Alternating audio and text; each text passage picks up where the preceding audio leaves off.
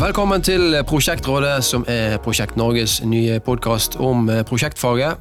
Og i Prosjektrådet har du mulighet til å få drøftet dine egne spørsmål og erfaringer fra prosjektbransjen. Prosjektrådet står klar til å hjelpe deg uansett hva du lurer på om prosjekt.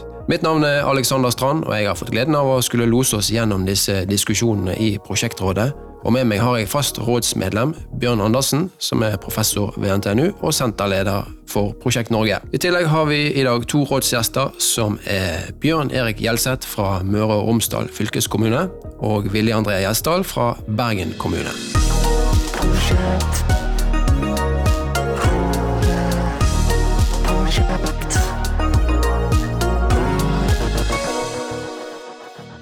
Velkommen til Prosjektrådet, Bjørn Erik og Vilje André. Takk for det. Takk for det. Ja, eh, aller først, kan ikke dere si litt, eh, fortelle litt hvem er dere, og hva driver dere med? Skal, da kan de begynne. Ja. Ja, Bjørn Erik jobber som eh, avdelingssjef for bygg- og eiendomsutvikling i Møre og Romsdal fylkeskommune. Der har vi ansvar for alle byggeprosjektene som fylkeskommunen gjennomfører. Ja, Er det mange byggeprosjekter? Det er nok av dem, i hvert fall. Nok, det, ja. det er mye som skjer. Ja, ja og du Vilje André? Ja, jeg heter Wilhelm Gjesdal, jeg er leder av Etat for utbygging. Vi har ansvar for å gjennomføre de større byggeprosjektene som Bergen kommune skal bygge. Det er jo alltid fra sykehjem til skoler og kulturbygg. Eh, Vi har eh, en portefølje på ca. 12-14 milliarder som strekker seg en 6-7-8 år frem i tid, og rundt 100 prosjekt i ulike faser, så det er stor aktivitet. Mm. Bra. Og du, Bjørn, vil du si noen ord om deg og Prosjekt Norge? Ja, fortsatt professor i prosjektledelse ved NTNU og leder dette senteret Prosjekt Norge. Og I dag skal vi ha fokus på kommunale og fylkeskommunale prosjekter. Vi har jo et eget bransjeråd i Prosjekt Norge for det, Mm. som, eh, som ledes fra Oslo Met med Tom Bodde Mathisen og Kamalan fra Sasingham. Og ellers så har jo vi også tett samarbeid med Trondheim kommune, naturlig nok, og andre, så litt, eh, litt innsikt i kommunal sektor har for så vidt jeg også. Ja, veldig bra. Ja, Da skal vi gå straks på, på spørsmål. og Som du sa, så er jo dette en episode med, med fokus på kommune og fylkeskommune. Eh, og spørsmålet er utvalgt eh, fra problemstillinger i den sektoren. da. Og til info så holder vi personnavn og eh, firmanavn eller kommunenavn anonymt, eh, sånn at ingen skal være redd for å sende inn problemstillinger. Ok, skal vi da gå på første spørsmål? Eh, kjære Prosjektrådet. Som ansatt i en nokså stor kommune er jeg heldig å få arbeide med å utvikle prosjekter fra en tidlig fase. Nå arbeides det med å innføre en mer systematisk såkalt prosjektmodell i kommunen, der det skal gjennomføres mer omfattende utredninger før prosjekter vedtas. Jeg har fått i oppgave å utforme noen av prinsippene for dette, inkludert at slike vurderinger visstnok alltid bør ha med det såkalte nullalternativet, altså det å ikke gjøre noe. Dette høres for meg helt ulogisk ut. Vi starter jo ikke prosjekter med mindre det er behov vi må løse. Hvorfor skal jeg foreslå dette i en slik modell? Kan jeg først spørre, Har dere en prosjektmodell eh, i Bergen kommune og Møre og Romsdal fylkeskommune? Ja, i Bergen har vi en eh, prosjektmodell som eh, på en måte satt litt opp med, med, med bakgrunn i fasenormen, da, eh, som eh, Bygg eh, 21 er det vel det heter, hvis jeg husker, husker, Mm, husker rett. stemmer. Så, så vi på en måte har tilpasset eh, det kommunale laboratorium, som vi pleier å kalle det av og til. Ja. Nå har den et null- nullalternativs... Ja, vel, Ja, vi- Spørsmålet var jo veldig eh, bra. Ja, altså Vi har jo en egen tidlig fase, da, konseptvalgfase, og eh, den har definitivt null alternativ eh, i seg. Og jeg tenker det at det vi av og til pleier å si, er at det er ikke alle behov som skal løses med et byggeprosjekt, rett og slett. Selv om tradisjonelt sett så har det alltid vært det. Eh, Man bare eh, har et behov, og så man, tar man nærmest for gitt at det, det må ende i et byggeprosjekt. Men det, vi må komme litt vekk fra den tenkingen. tenker jeg. Mm.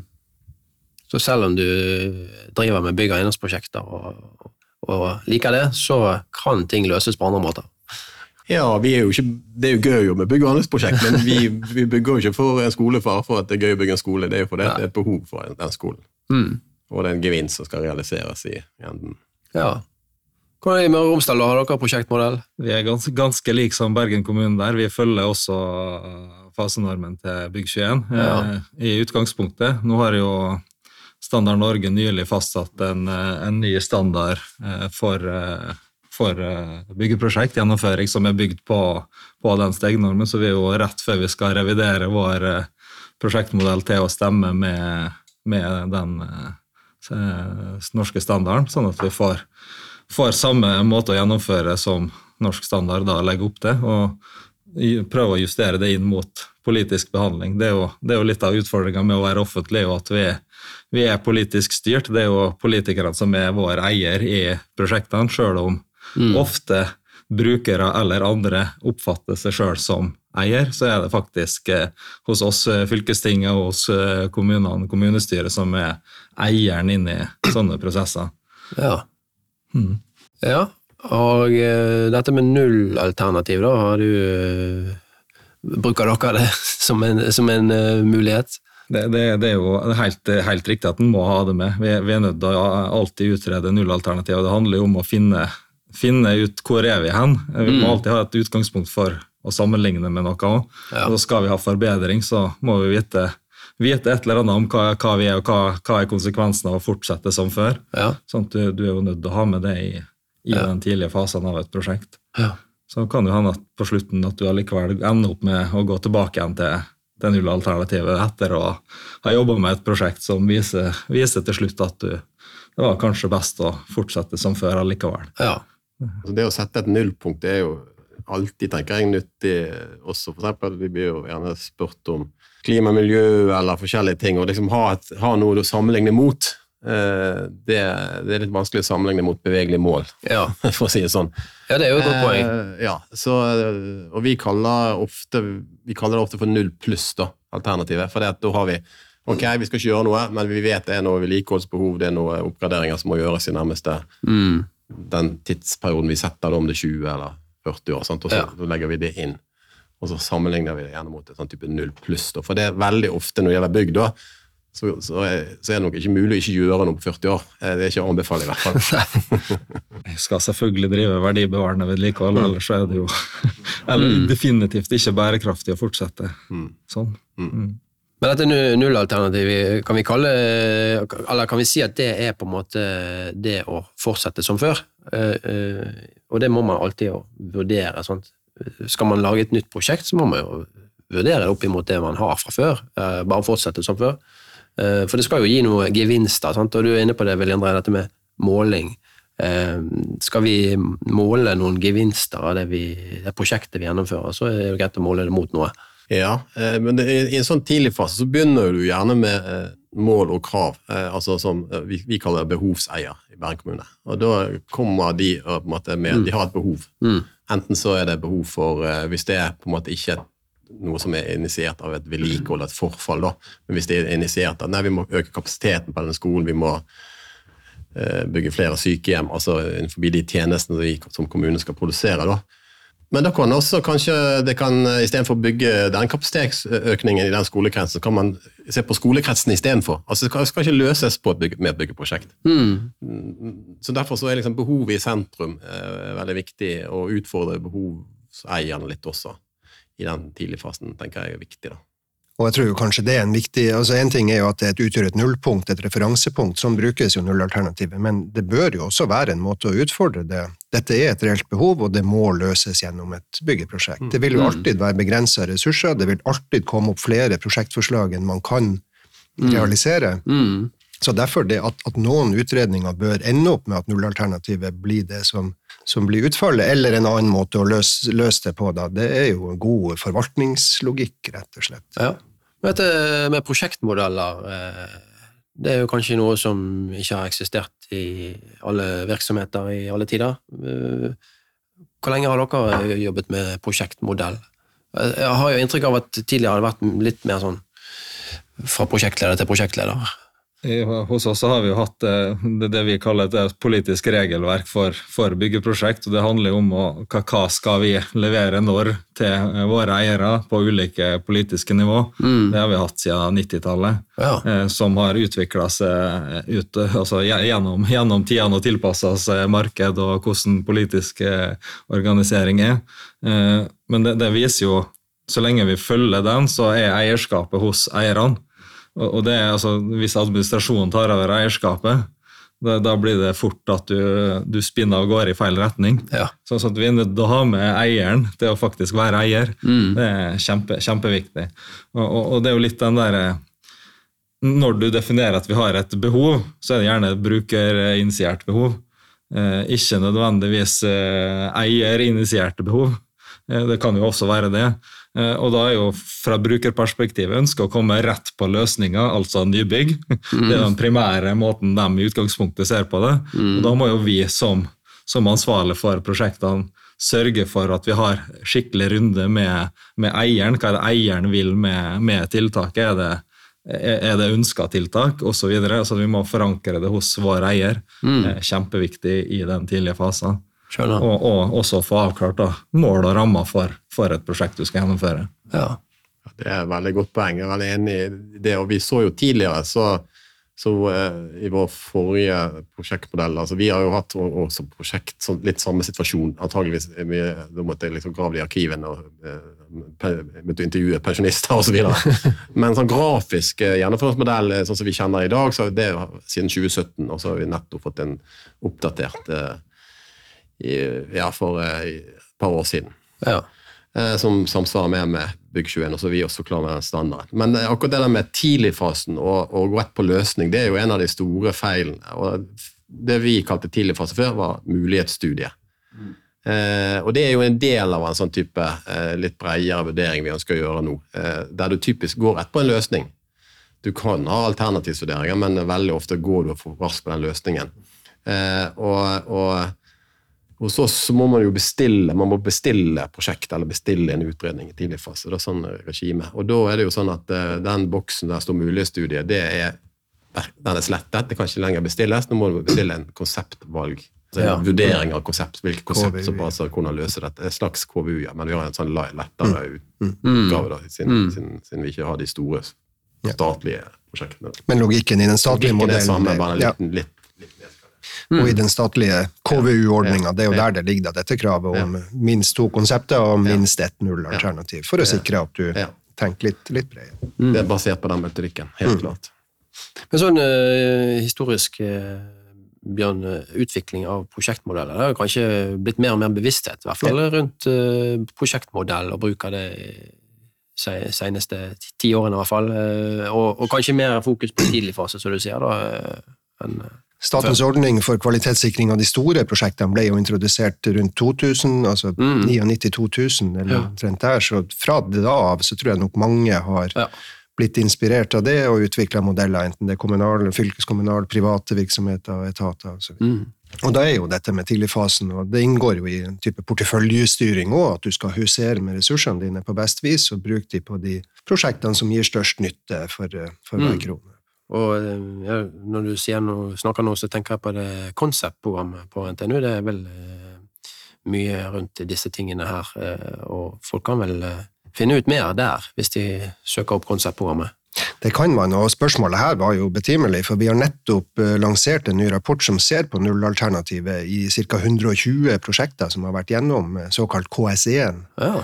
Og det viser seg jo at ytterst sjelden anbefaler utredende etat nullalternativet. Ja, Hvis jeg husker rett, så tror jeg det var i tre tilfeller. og Det var det å avholde OL eller fotball-VM eller sånne arrangementer i Norge, det var liksom de som fikk eh, anbefaling om nullalternativ, altså ikke å gjøre noe. Alle andre investeringsprosjekter så ble en eller annen investeringsversjon anbefalt av etat. Mhm. Og så har du jo da en KS-rådgiver som i litt større grad anbefalte nullalternativet, men slett ikke ofte.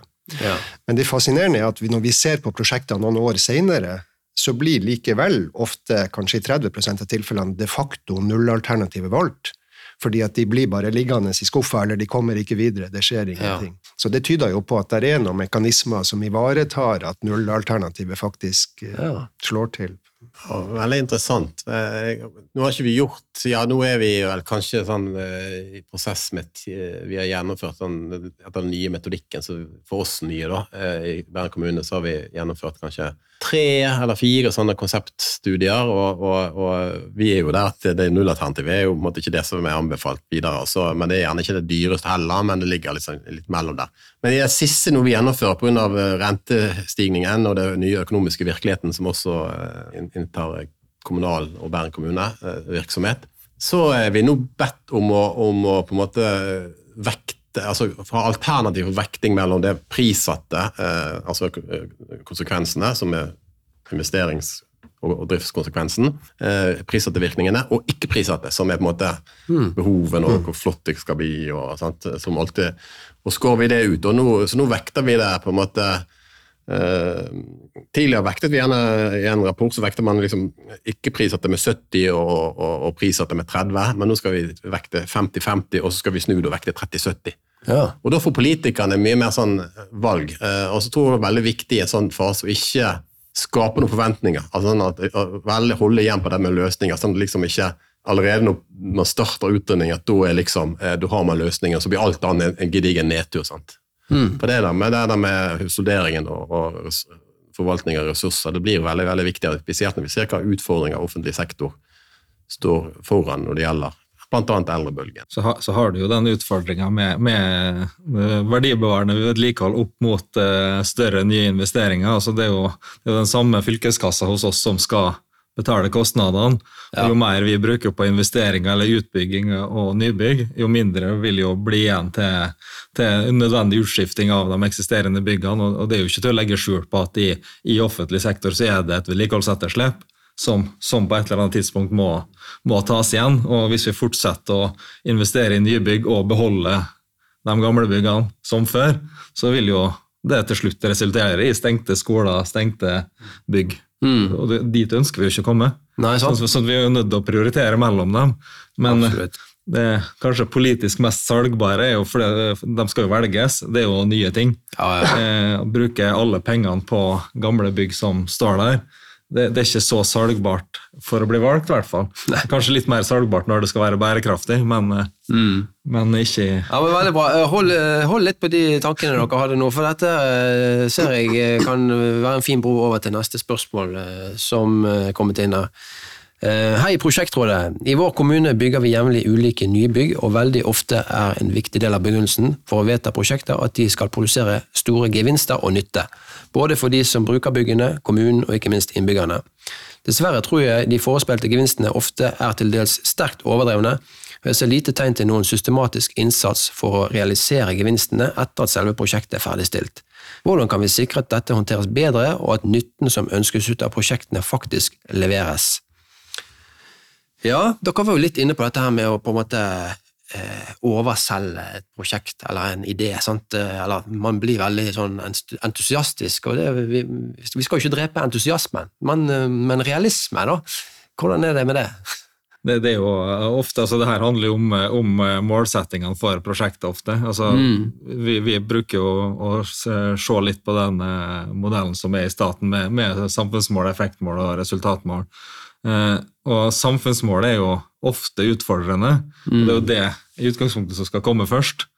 For det er jo, det er jo eier sitt overordna mål med, med, et prosjekt, og så, så, er jo de såpass vi, altså jf. det du stiller i spørsmål, altså at de kan eh, altså Det er vanskelig å relatere direkte eh, det du bygger til samfunnsmålet. Mm. Det er gjerne mange andre ting som også skjer. altså Det er jo utvikling i samfunnet i tillegg til prosjektet. Ja, ja. Og da hva som skyldes den generelle utviklinga i samfunnet, og hva som skyldes at vi faktisk gjennomfører prosjektet, det er jo ekstremt vanskelig å vite. Og, og da tenker jeg at det handler om altså For alle mål du setter, så må du jo lage tiltak.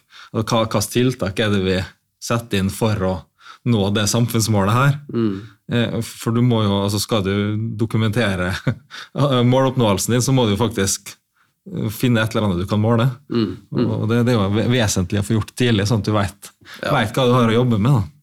Ja, eh, det er veldig enig i at dette er tydelige mål. Eh, og spesielt, vi jobber jo mye dette med gevinst. Og, altså, dette med, altså, vi er jo overhodet ikke i mål, for dette er jo dette med gevinstrealisering. Eh, vi knytter det opp mot effektmålene mm. og, og setter tydelige indikatorer. Men jeg har jo spurt litt ut i bransjen ja, eh, man har noen mål, og de er ofte litt sånn runde, også effektmålene. Men hva som faktisk måler på dem? For det, eh, det er gjerne ikke nødvendigvis ja, Byggeprosjektet skal levere på noe, men så skal på en måte driften i ettertid eh, altså skal ta ut noen gevinster. Og veldig ofte når vi spør de, eller kommer litt løs inn i prosjektet, ja, vi må ha ekstra ressurser, vi må ansette flere folk for, vi må ha en koordinator for dette bygget, vi må ha ditt og datt. Da er vi ikke på gevinst, da er vi på en måte det motsatte av gevinst. Eh, eh, Det er jo selvfølgelig gevinst for kvalitet i tjenesten, så, så gevinst kan jo handle om andre ting enn økonomiske ting, det er jo viktig for sagt, men eh, vi kommer nok til å jobbe mye mer med å, å, å, å henge, henge på en måte indikatorer og effektmålene på eh, roller. Da. Henge det på noe på byggeprosjektet og noe på de som skal eh, enten eie og drive bygget, eller de som skal på en måte yte tjenester i bygget. Da. Ja. Da, men det er, det er ikke lett, altså. Det er, det er det å sette disse her eh, effektmålene gjerne eh, seks-syv år før byggeprosjektet er ferdig, Mm. og vi vet hvor raskt verden endrer seg, og eh, teknologi og smarte bygg. Og. Absolutt. Så vi er ikke i mål med, med gode gevinstrealiseringsplaner, men eh, det er viktig. Men dette med måling av gevinster er jo da eh, sentralt hvis du skal vite om du har oppnådd noe eller ikke. Eh, og så er det jo sikkert uh, gevinster som ikke er målbare òg, som du kan definere, eller kanskje ikke er definert på forhånd. Uh, men, men hvem er det som bør gjøre disse målingene, da? Uh, er det ja, Du er inne på driftsorganisasjonen, er det de, eller er det prosjekteier eller bestiller, eller. Teori og forskning tilsier jo at dette er prosjekteier, men nå kan jo den plasseres mange plasser. Men det som i hvert fall klart er at det ikke er prosjektleders jobb. Nei? Ofte vil jo gevinstene materialisere seg flere år etter at et bygg eller noe annet enn idrettsanlegg eller noe er tatt i bruk, og prosjektleder leverer jo liksom sin jobb ferdig når prosjektet overtas av drift. Og så kan man kanskje si at de som skal drifte her, stå for vedlikehold og sikre ting, de har jo heller kanskje ikke noen posisjon til å sørge for at gevinstene realiseres. Hvis det nå er et, et, et bygg som kommunalt bygg, en skole der man kanskje ønsker bedre samarbeid mellom lærere og bedre læringsmiljø osv., da er det klart, da er det jo rektor og, og kanskje den kommunaldirektør eller hva det måtte hete, som har ansvar for den skolen, som bør ha det, det gevinstrealiseringsansvaret. Det, det du er inne på, er jo, er jo faktisk er veldig lett målbare faktorer. Altså, vi har jo, I, i fylkeskommunen så er, så er det jo elevundersøkelser, det er arbeidsmiljøundersøkelser jevnlig. Ja. Eh, og da kan du jo, hvis du faktisk velger å følge med på det her, så kan du jo eh, ha- Har byggeprosjektet en konsekvens? Så er det målbart? Er det noe som har endra seg? Og, og så kommer jo det vanskelige oppi her. Skjedde en omorganisering samtidig? som kan være årsaken til effektene. Eh, og så er det jo det å, å forankre i tidlig fase. Altså at eh, Hvis eier vedtar et effektmål at på det skål, med det prosjektet her så skal det gi bedre arbeidsmiljø altså Eier hos oss er jo fylkesting, og de har jo også ansvar for f.eks. videregående skoler. Sånn at Hvis de mener at eh, det er sånn vi skal løse arbeidsmiljøet gjennom byggeprosjekt, så må de gjerne gjøre det. Men det kan hende at det er andre, andre måter å løse det på enn et nybygg eller et byggeprosjekt. Så, så, og da, hvis noe skal måles etterpå, så må det være tydelig i, i definisjonen av prosjektet at det her er sånn som må måles jevnlig over tid, og ansvaret ligger hos den og den. Ikke, Ja, så det ikke jo- flytende, i hvert fall. Ja, absolutt. Og så er det jo litt eh, det at det er vanskelig. Vi har, vi, vi har diskutert litt sånn litt, Vi jobber mye med akkurat dette nå. eh, Og, og diskutert litt, hvorfor er det så vanskelig eh, både å sette gode eh, effektmål, og, og hvorfor er det så vanskelig liksom, å dokumentere at du faktisk tar ut gevinstene. Eh, Jeg tror, det, jeg tror det går tilbake til kanskje at det, effektmålene er for utydelige. Eh, og, og, så, og så vet ikke jeg, men kanskje for de som skal la oss si, drive et sykehjem da, eller en skole, eh, i trange budsjett, de føler at budsjettene er trange allerede, og forplikte seg til ytterligere liksom, eh, effektivisering, eller hvis det er snakk om det. Sant? Eh, Det, det sitter litt inne, da. Ja.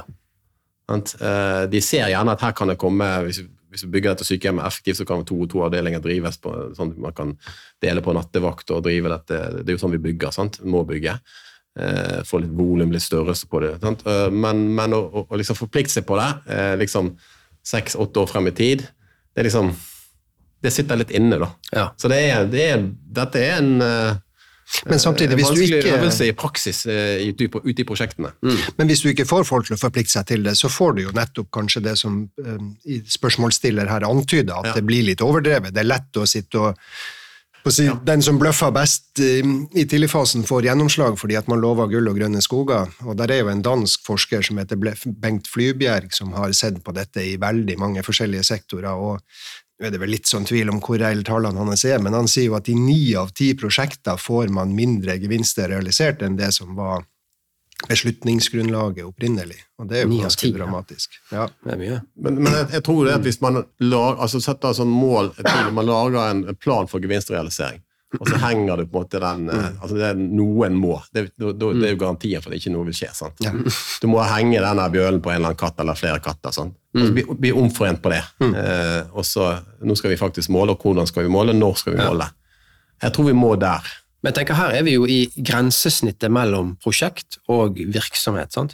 Virksomheten som går eh, kontinuerlig, den har jo sine eh, målinger, vil jeg tro, til vanlig. Og så kommer det kanskje noen eh, nye strategier, strategiske mål, sier vi skal gå den retningen. eh, og kanskje man da setter i gang et prosjekt for, som en katalysator for å komme i den retningen. sant? Og da må man måle eh, egentlig de strategiske målene til virksomheten. da. Og det er jo ikke i prosjektet i seg sjøl som egentlig lager dette, men, men det bør i hvert fall kobles til denne strategien eh, for virksomheten, tenker jeg. Og, og så sier du at noen virkninger kanskje ikke er målbare. Vi har jo også såkalte ikke-prissatte virkninger og sånne ting som jo gjerne du ønsker å få realisert, men kan være vanskeligere å måle. og Da er det jo enda viktigere at dette knyttes til noen som jobber med det aktivt. Jeg har jo gjerne jeg har sagt at vi trenger en ringvirkningenes herre. Ja, ja, ja. Ikke en ringenes herre, men en ringvirkningenes herre som har ansvar for dette frem til gevinstene faktisk er levert. Og da kan du jo liksom avslutte prosjektet ordentlig til syvende og sist. Har vi svart på spørsmålet? Skal vi se, Hvordan kan vi sikre at dette håndteres bedre, og at nytten som ønskes ut av prosjektene, faktisk leveres? Ja, Vi har vel svart det. Knyttet til konkrete roller, ha kontinuerlig Ja. oppfølging av det, ha gevinstrealiseringsplaner i starten eller før overlevering. Så Mm. det er mange virkemidler her. Og, I hvert fall tenke gjennom ting på Ja. forhånd før du setter i gang. altså Vite hva du, hva du vil med det. Ja. Faktisk vil med det, ikke hva du bare føler at du vil med det. Mm. Og en sterk kobling til virksomheten og, og målene der. Bra. Men da går vi til neste. Til prosjektrådet. Fylkeskommunen vår har i et par år arbeidet med et prosjekt for å bygge en ny videregående skole. Vi har fulgt logikken i statens prosjektmodell med konseptutvikling først, før vi gikk videre til detaljutforming. Både politikerne og vi i administrasjonen har hele tiden satt høye ambisjoner for bærekraften i prosjektet, både selve byggingen og fremtidig drift, og dette ble nedfelt som kriterier for evaluering og valg av konsept. Men da evalueringen ble gjennomført, så vi at flere viktige bærekraftsdimensjoner ble totalt overskygget av andre forhold når alt ble regnet om til kroner og øre. Derfor har vi nå gått videre med en løsning som slett ikke er så ille, men som mangler en del snedige fasetter som konseptet mange av oss heiet på. Hvordan kan vi sikre at fremtidige prosjekter ikke lider samme skjebne?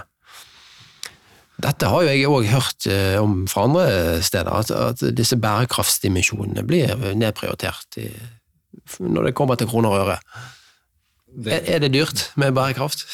Alt utover TEK17 har jo en pris, eh, og, og, og sosial bærekraft har en pris. eh, Miljømessig bærekraft har en pris. Altså, ta en skole. Hvis du skal ha, ha sosial bærekraft, så kan det hende at du er nødt til å ha litt flere kvadratmeter med sosiale soner.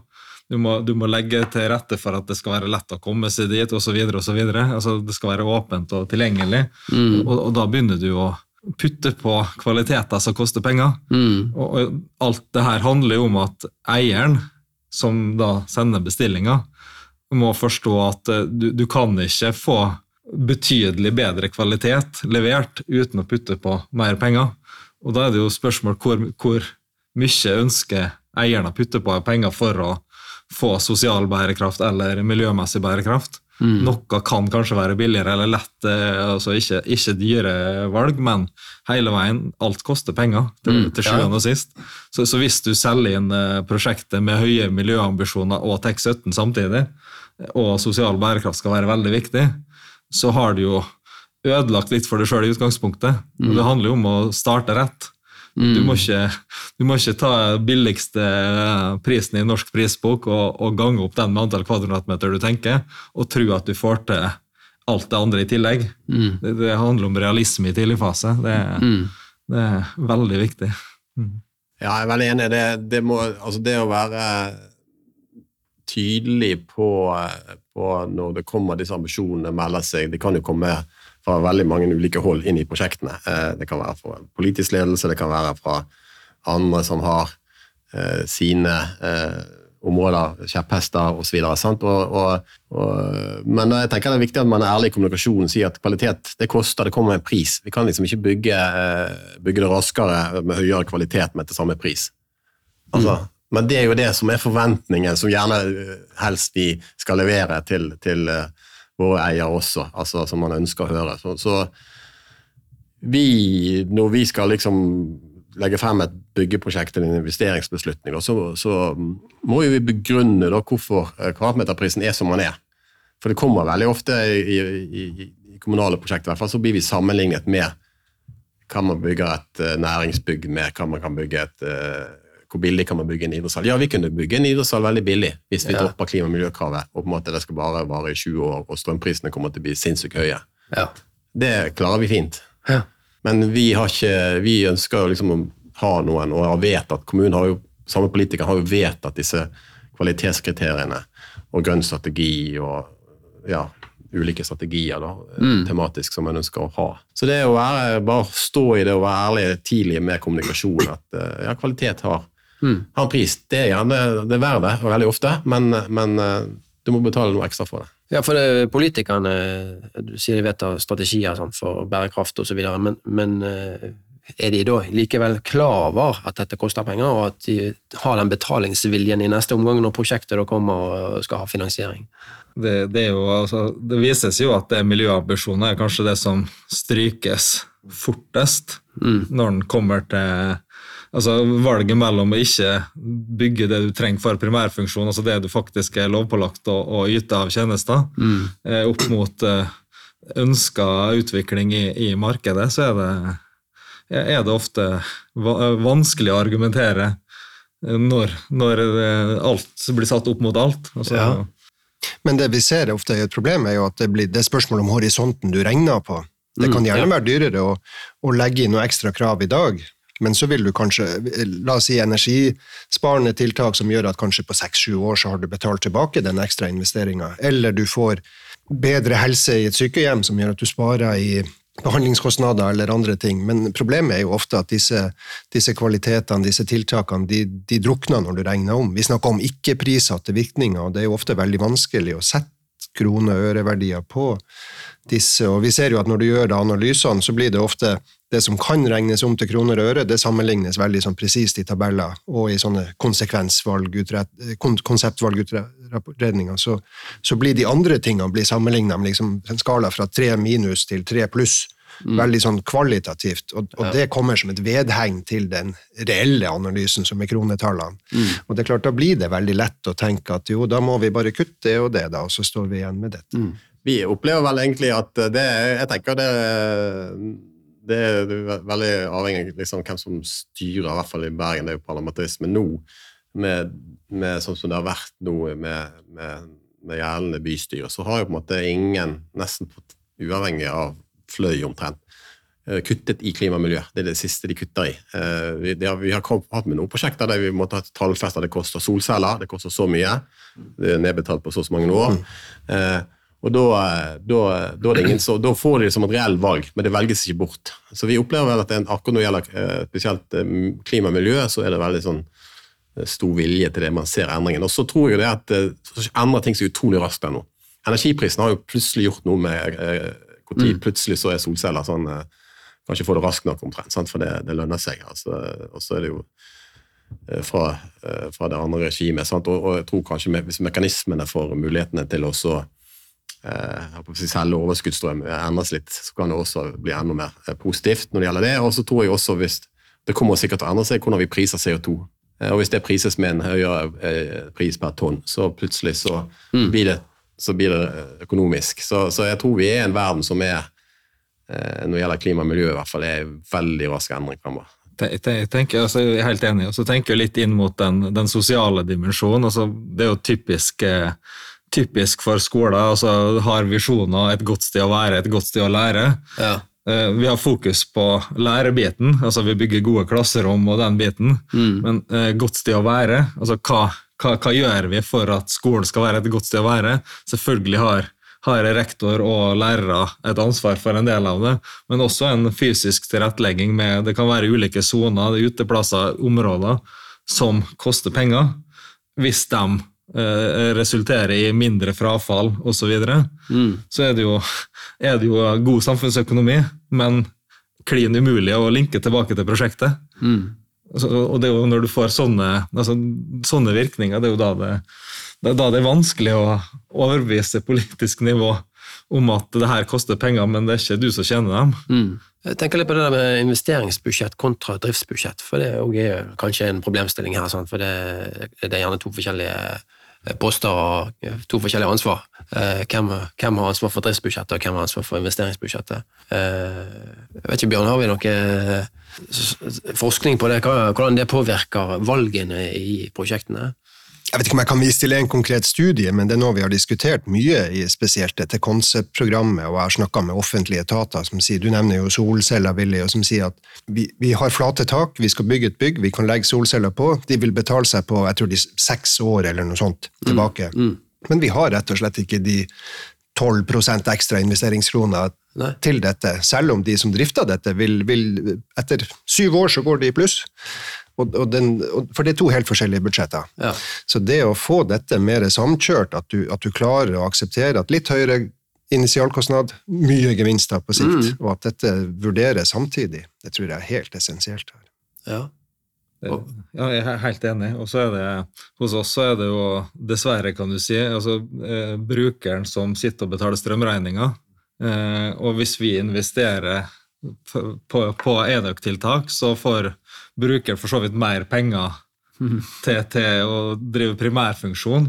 Men, men det, det, og ikke nødvendigvis tar ut eh, gevinstene på rett plass. altså Det er ikke eieren som får tatt ut gevinsten. Kan han kan han få bedre kvalitet på, på, på undervisning eller primærfunksjon, men vi har ikke, får ikke inn gevinsten på å ta vare på byggene våre. Mm. Så, så det, det er jo en skille der. Ja. Hvordan skal vi ø, organisere oss for å, for, for å gjøre de rette valgene? Altså, for oss som, som har ansvaret for byggene, så er det ikke direkte lønnsomt å putte penger i enøktiltak. Mm. For det, da er det drifta en annen plass som Det er ikke drifta av bygget som får det, for vi, vi drifter bygget, men det er skolen som betaler strømregninga. Så, så det, det, det, selv om det er fylkeskommunen, så er det, er det ula, ulike Ja, det burde man jo klare pengestrømmer. å- Det, det, det er en øvelse å samkjøre. Ja, den ser jeg, den må jo være utfordrende. Via Bergen så er jo det samkjørt, eh, sånn at det, eh, samles eh, liksom sentralt, og det bør jo ligge på samme enhet. Eh, Mm. Vi holder på å regulere sånn eiendomsstrategi, eller utarbeide en eiendomsstrategi, og da er det jo det der med, det der med altså incitament som virker. Eh, det er jo sant, Her var et eksempel på noe som ikke virker. Sant? Så det at koble, altså det, Investering og drift har en, har jo en direkte kobling. for det at Ja. investerer vi en milliard, så må også en kommune betale renter og avdrag. sånn Vi har en sånn seddelpresse, skulle gjerne hatt det, da, men eh, nede i rådhuset liksom, i Bergen. Så, så det, er, det er virkelig penger. sant? Og det, Ja.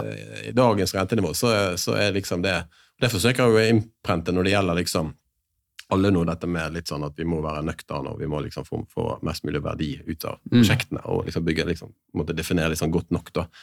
Så, så det er jo helt klart uh, viktig. Og, og vi har jo ikke sånn uh, internhusleieprinsipp. sånn at, eh, og det er jo noe, for Vi har hatt det, men det fungerte jo ikke, så tok man det vekk. Men klart, da mister vi det instrumentet til å være arealeffektiv. Det er liksom gratis. Eh, hvis jeg får en aula jeg kan samle alle elevene pluss foreldre og liksom eh, i en skole, sånn, så, så er det kjempemessig. Sånn. Så du, du mister de der. Den, så, så skape, ha gode incitamentordninger i, i, i budsjetteringen osv. Det er jo viktig, men det er ikke alltid så lett å få til. Mm. Og så tror jeg jo som, altså Innsenderen eh, jobber jo i en fylkeskommune. jeg tror jo, Vi ser jo at i mange tilfeller så må man rett og slett bare forvente at det offentlige går foran på en del områder og demonstrerer at ting er mulig å, å få til. Det er mange private som gjør mye nyttig òg, men vi ser at eh, en god del etater og, og, og kommuner og andre er fyrtårn, og når noen viser at det går an, så kommer de andre etter. Så, så det å bare la sånne hensyn forsvinne i, i kyniske kroneregnskap i en tidlig fase, det er jo fryktelig synd, selvfølgelig. For de byggene skal jo stå der i 30-40-50 hvor mange år etterpå. og Du kan Mm. ikke få gjort så mye med de når de først er bygd.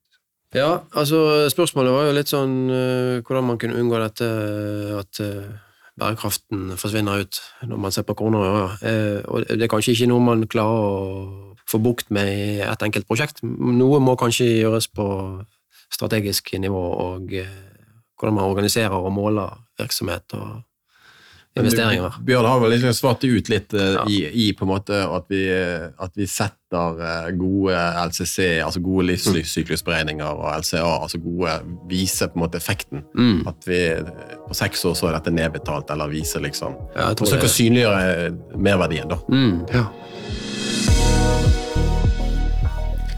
Hei igjen, da er vi kommet til veis ende i denne episoden av Prosjektrådet, og vi takker våre rådsgjester Bjørn Erik Gjelseth fra Møre og Romsdal fylkeskommune og Willy André Gjesdal fra Bergen kommune.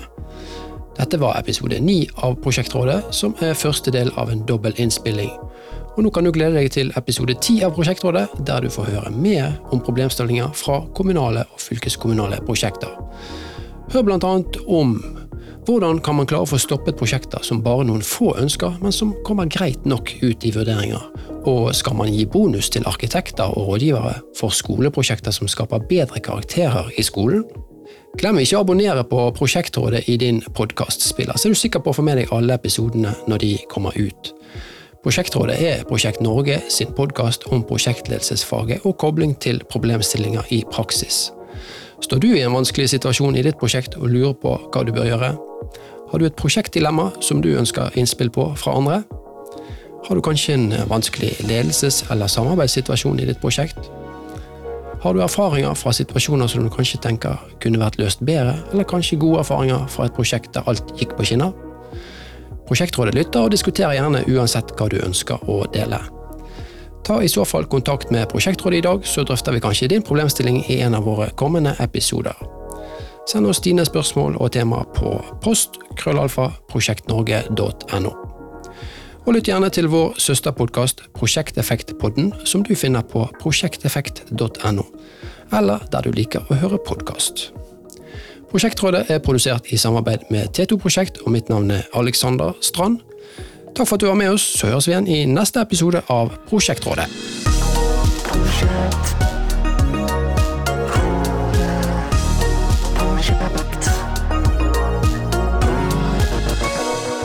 Har sagt at vi trenger en ringvirkningenes herre. Ja, ja, ja. Ikke en ringenes herre, men en ringvirkningenes herre som har ansvar for dette frem til gevinstene faktisk er levert. Og da kan du jo liksom avslutte.